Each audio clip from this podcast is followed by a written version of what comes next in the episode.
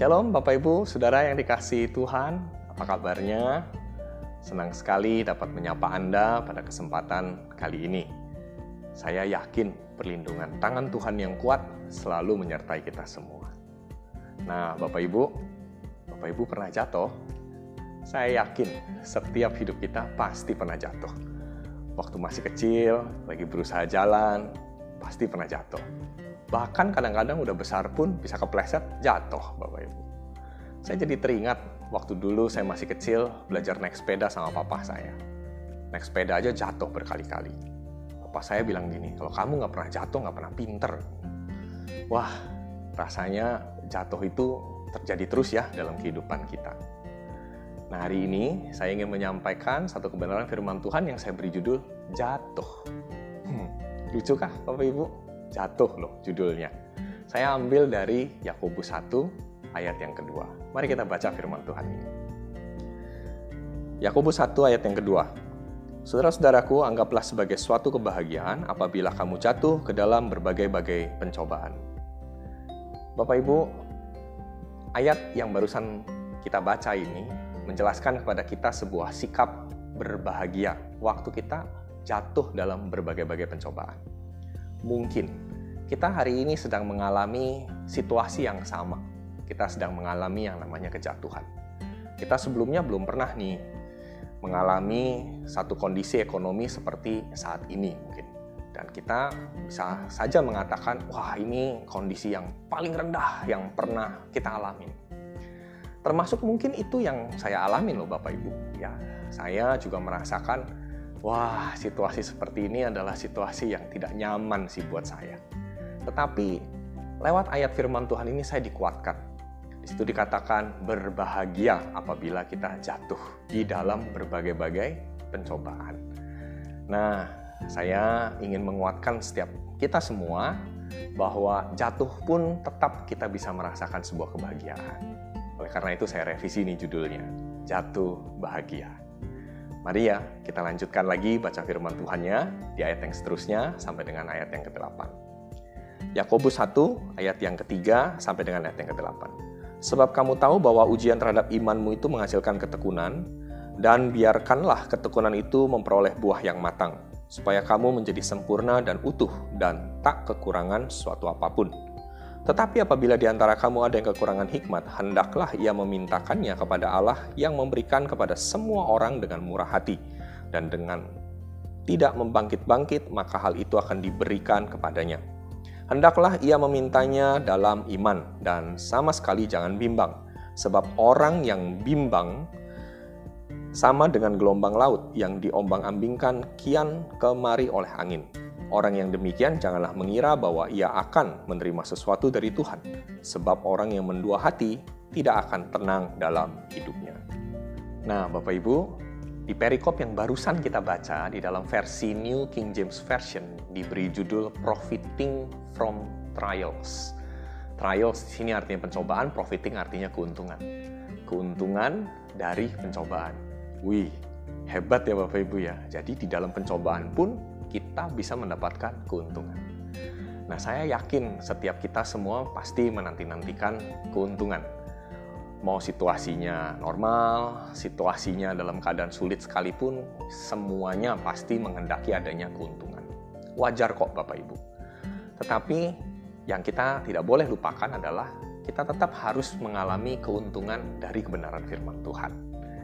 Nah, Bapak Ibu, kalau Bapak Ibu kembali tadi membaca ayat 2 sampai dengan ayat yang ke-8, saya menemukan paling tidak ada dua keuntungan yang diharapkan seharusnya. Keuntungan yang pertama adalah memperoleh buah yang matang. Dan yang kedua adalah memperoleh hati atau jiwa yang tenang. Saya yakin kedua hal ini kita butuhkan nih saat ini Bapak Ibu. Kita butuh ketenangan jiwa untuk bisa berespon di tengah-tengah situasi. Kita juga membutuhkan sebuah buah yang matang kalau tadi definisinya sempurna, utuh, dan tak kekurangan. Setiap kita pasti menginginkan ini. Tetapi gini Bapak Ibu, kalau kita mau ya mengalami yang namanya keuntungan di balik setiap pencobaan atau setiap ujian-ujian ini, kita mesti mempelajari terlebih dahulu apa maksudnya dengan istilah yang tadi saya katakan jatuh bahagia. Yang pertama Bapak Ibu, kata jatuh bahagia atau jatuh di dalam ayat yang kedua itu tidak berarti benar-benar fall down seperti itu. Tetapi jatuh yang dimaksud adalah kita mengalami, diizinkan mengalami atau menghadapi pencobaan. Pencobaan sendiri di dalam bahasa aslinya tidak diartikan untuk menggoda kita supaya jatuh dalam dosa, tidak demikian tapi pencobaan di dalam konteks ini ingin berbicara tentang ujian-ujian kita supaya kita naik kelas, Bapak Ibu. Dan di situ ditambahkan dengan sebuah kata ketekunan. Jadi begini Bapak Ibu, kalau kita rindu mendapatkan keuntungan di tengah-tengah situasi atau ujian-ujian kehidupan yang kita lagi alami hari-hari ini, maka ada tiga hal penting yang harus kita sikapi atau yang harus kita miliki tentunya. Sikap yang pertama adalah sikap yang saya beri nama ketekunan. Di dalam versi Alkitab yang lain mereka menggunakan kata keteguhan hati. Kata keteguhan hati Bapak Ibu punya definisi yang cukup menarik di dalam salah satu terjemahan Alkitab. Saya puas sekali waktu membaca ini karena dia definisikan begini. Orang yang teguh hati adalah orang yang sabar dan sadar. Sabar, sabar apa? Sabar menanggung dan sadar sadar untuk mengubah. Jadi dia sabar menanggung setiap cobaan, sabar menanggung setiap tekanan yang dia harus alami. Tapi di sisi lain, dia sadar bahwa ia harus bisa mengubah untuk bisa lebih baik. Nah, kalau kita lihat konteks ketekunan ini, maka contoh yang paling gampang kita harus melihat anak-anak kita anak-anak kita yang mungkin sudah melewati ujian atau yang baru akan menghadapi ujian misalnya, kita tentu tahu untuk naik kelas, anak-anak harus diuji bukan hanya satu mata pelajaran. Tetapi ada beberapa mata pelajaran lengkap loh Bapak Ibu. Itu tadi yang dibilang utuh. Jadi lengkap nih semua. Itu baru dikatakan lulus, baru dikatakan teguh. Jadi mesti komplit kalau kita nggak komplit, namanya nggak teguh, Bapak Ibu. Dan demikian juga dengan kita. Kalau ditanya, bagaimana sikap kita seharusnya sebagai orang percaya menghadapi situasi seperti ini? Jawaban saya sederhana. Jawaban saya yang pertama adalah ikuti firman Tuhan yang tadi berkata ketekunan. Ketekunan bicara keteguhan hati, sabar menanggung, sadar mengubah. Apa yang diubah? Yang diubah adalah cara pandang, yang diubah adalah cara berpikir. Yang diubah adalah sikap hati kita yang tadinya menggerutu menjadi melihat ini adalah sebuah profit. Saya suka banget dengan judul tadi, profiting. Mampu nggak kita mengubah setiap ujian yang kita alami hari ini menjadi sebuah hal yang layak kita sebut profit, untung. Ini tantangan Bapak Ibu. Tapi ini yang harus kita lakukan. Ini sikap yang pertama. Nah, sikap yang kedua, di situ dikatakan tentang hikmat.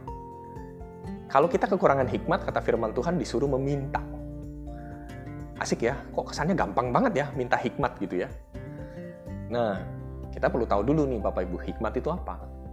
Saya dan beberapa teman sempat nih membahas soal hikmat nih di komsel-komsel ya. Sewaktu kita awal-awal menghadapi pandemi ini dan ada banyak jawaban tapi ada satu jawaban yang saya sukai. Dia katakan begini, hikmat itu adalah satu anugerah Tuhan supaya kita bisa berlaku benar. Wah, anugerah Tuhan, anugerah Tuhan supaya kita bisa berlaku benar. Nah, apa yang dimaksud dengan berlaku benar? Yang dimaksud dengan berlaku benar adalah sikap hidup kita langkah yang kita lakukan sesuai sama firman Tuhan. Itu yang namanya hikmat. Tetapi kalau kita baca lebih dalam tentang hikmat, hikmat itu adalah sebuah pengetahuan tentunya. Nah, pengetahuan didapat dari mana? Ya tentu dari belajar. Ya. Nah, di dalam versi The Message, firman Tuhan yang tadi kita baca di dalam Yakobus 1 tadi ayat 2 sampai dengan 8, ada satu kata gini kalau kita ingin meminta hikmat, mintalah kepada Tuhan dengan cara apa? Berdoa, katanya. Oh, ternyata berdoa menghasilkan hikmat Tuhan. Tapi saya juga ingin tambahkan nih, selama 2-3 bulan ini, saya menemukan sahabat-sahabat saya yang akhirnya menemukan ide-ide baru di tengah-tengah krisis. Saya malah melihat mereka menemukannya justru ketika mereka ada di dalam komunitas. Saya meyakini nih, di poin yang kedua tentang meminta hikmat adalah bukan hanya berdoa, tetapi kita mengajukan diri kita untuk dikonseling, untuk menerima konsultasi dari orang lain, Bapak Ibu. Ini yang saya maksud dengan hikmat di dalam komunitas. Karena kitab Amsal juga berkata kan begitu. Hikmat itu diperdengarkan, ya kan? Memperdengarkan suaranya. Artinya kita bisa loh dengerin hikmat itu. Nah, datangnya dari mana hikmat itu? Dari orang-orang di sekitar kita. Amsal 3 ayat 10 dikatakan, keangkuhan hanya menimbulkan pertengkaran. Tetapi mereka yang mendengarkan nasihat mempunyai hikmat. Kata nasihat di sini dalam bahasa aslinya ditulis yaas. Yaas itu artinya apa Bapak Ibu? Yaas artinya go for counsel. Jadi kita pergi untuk dikonselingi, untuk meminta konsultasi. Kesimpulan saya begini Bapak. Sikap yang harus kita miliki hari ini harus punya kerendahan hati, menerima konsultasi dari orang-orang yang tepat, di waktu yang tepat, dengan cara yang tepat. Saya melihat banyak anggota Komsel menemukan ide-ide baru justru ketika dia mulai belajar hal-hal yang baru dari teman-teman yang lain. Ada yang belajar dari YouTube, ada yang belajar dari ilmu online lainnya, bahkan bisa datang dari setiap sharing-sharing online ya selama 2-3 bulan terakhir ini. Saya yakin itu hikmat tetap datang dari Tuhan yang disampaikan lewat orang-orang yang ada di sekitar kita. Jadi, bagaimana cara kita menyikapi situasi hari ini? Bapak Ibu jangan pernah tinggalkan komunitas. Jangan pernah. Bapak Ibu harus tetap ada di dalam komunitas. Bapak Ibu harus tertanam di dalamnya. Tuhan bisa berbicara kepada orang-orang di dalam komunitas untuk menunjukkan jalan kepada Anda. Itulah hikmah. Yang terakhir, Bapak Ibu. Situ dikatakan tentang iman. Kamu harus memintanya dengan iman. Jadi kalau yang kedua tadi adalah meminta hikmat dari Tuhan, maka yang ketiga adalah memintanya dengan iman. Tentu kita tahu iman sumbernya dari mana? Firman Tuhan. Berarti kalau meminta dengan iman, apa yang kita minta sesuai dong sama firman Tuhan. Masalahnya sekarang, kenapa kita gampang terombang ambing? Karena pada waktu kita meminta, kita tidak memintanya berdasarkan firman Tuhan. Kita memintanya berdasarkan logika. Tuhan, kondisinya susah nih, kasih pelanggan dong. Aduh Tuhan, ini susah nih. Yang dikomplainin cuma susahnya. Tapi kita pernah nggak membaca firman Tuhan? Firman Tuhan ajarin apa sama kita? Jangan-jangan justru malah di tengah-tengah kesusahan, malah kita harus melakukan sesuatu kepada orang lain. Ini yang dimaksud dengan meminta dengan iman. Saya rindu setiap kita semua untuk terus mengaktifkan iman kita. Gimana cara kita mengaktifkan iman kita? Jangan pernah putus baca firman Bapak Ibu selama kondisi harus di rumah saja, apakah Bapak Ibu semakin tinggi kualitas dalam membaca firman? Bapak Ibu menambahkan jumlah untuk berdoa, menambahkan jumlah jam waktunya Bapak Ibu untuk membaca firman Tuhan, atau ya seperti yang sebelumnya. Ini yang namanya tidak sadar mengubah. Keteguhan hati sadar mengubah. Apa yang mesti diubah? Dari yang tadinya segini, kita mesti ubah jadi segini, Bapak Ibu. Nah ini. Jadi, saya simpulkan begini Bapak Ibu hari ini. Jatuh bahagia hanya bisa kita dapatkan ketika kita selalu connect sama firman Tuhan. Kita akan mendapatkan dua hal. Yang pertama, kita dapatkan buah yang matang. Bapak Ibu tahu maksudnya buah yang matang? Di situ dikatakan sempurna. Sempurna yang dimaksud adalah tepat, sesuai saya mau ambil contoh begini. Di sini Bapak Ibu, ini ada uh, pelak sepeda. Di tengah-tengahnya ini ada baut Bapak Ibu. Untuk bisa mengencangkan baut ini Bapak Ibu, kita membutuhkan apa? kita membutuhkan kunci namanya kunci pas. Kenapa dibilang kunci pas, Bapak Ibu? Karena memang dia pas. Ini artinya sempurna. Sempurna artinya tepat berfungsi sesuai dengan yang dibutuhkan. Di depan saya ada berbagai jenis kunci. Tapi kunci yang tepat untuk ini hanya satu, Bapak Ibu. Kunci yang tepat di sini adalah kunci nomor 16, Bapak Ibu. Kunci nomor 16 ini tepat, Bapak Ibu. Pas. Dia bisa berputar dengan pas. Ini yang dimaksud dengan sempurna. Kalau 17, dia longgar. Dia bisa berputar, tapi nggak akan pernah terbaik. Tapi kalau 16, dia akan pas. Dia akan bisa dikencangkan dengan posisi yang pas. Ini yang dimaksud dengan sempurna. Utuh yang dimaksud adalah apa? Utuh yang dimaksud adalah tidak membiarkan ada hal-hal lain yang bisa menodai sebuah kesempurnaan tadi. Artinya apa? Ya jangan biarkan ada karat. Bagaimana dengan hidup kita? Kita masih mengizinkan tidak adanya karat, noda di hati kita. Masih ada kejengkelan, masih ada kekecewaan. Ini udah berapa bulan Bapak Ibu? Bapak Ibu masih meratapi kesedihan karena kehilangan customer. Bapak Ibu masih menghadapi yang namanya kekecewaan karena toko nggak bisa buka. Bapak Ibu, kita udah harus move on Bapak Ibu nggak bisa lagi kita masih hidup dalam kekecewaan. Ini yang namanya utuh. Jangan membiarkan noda. Yang terakhir tadi dikatakan apa? Tidak kekurangan satu apa pun. Bener nggak kurang? Lihat nih. Pelek ini Bapak Ibu, nggak boleh sampai ada yang kurang jari-jarinya. Kalau sampai ada yang kurang jari-jarinya, saya mau tanya, ban ini atau pelek ini bisa berjalan dengan sempurna nggak? Nggak akan pernah bisa.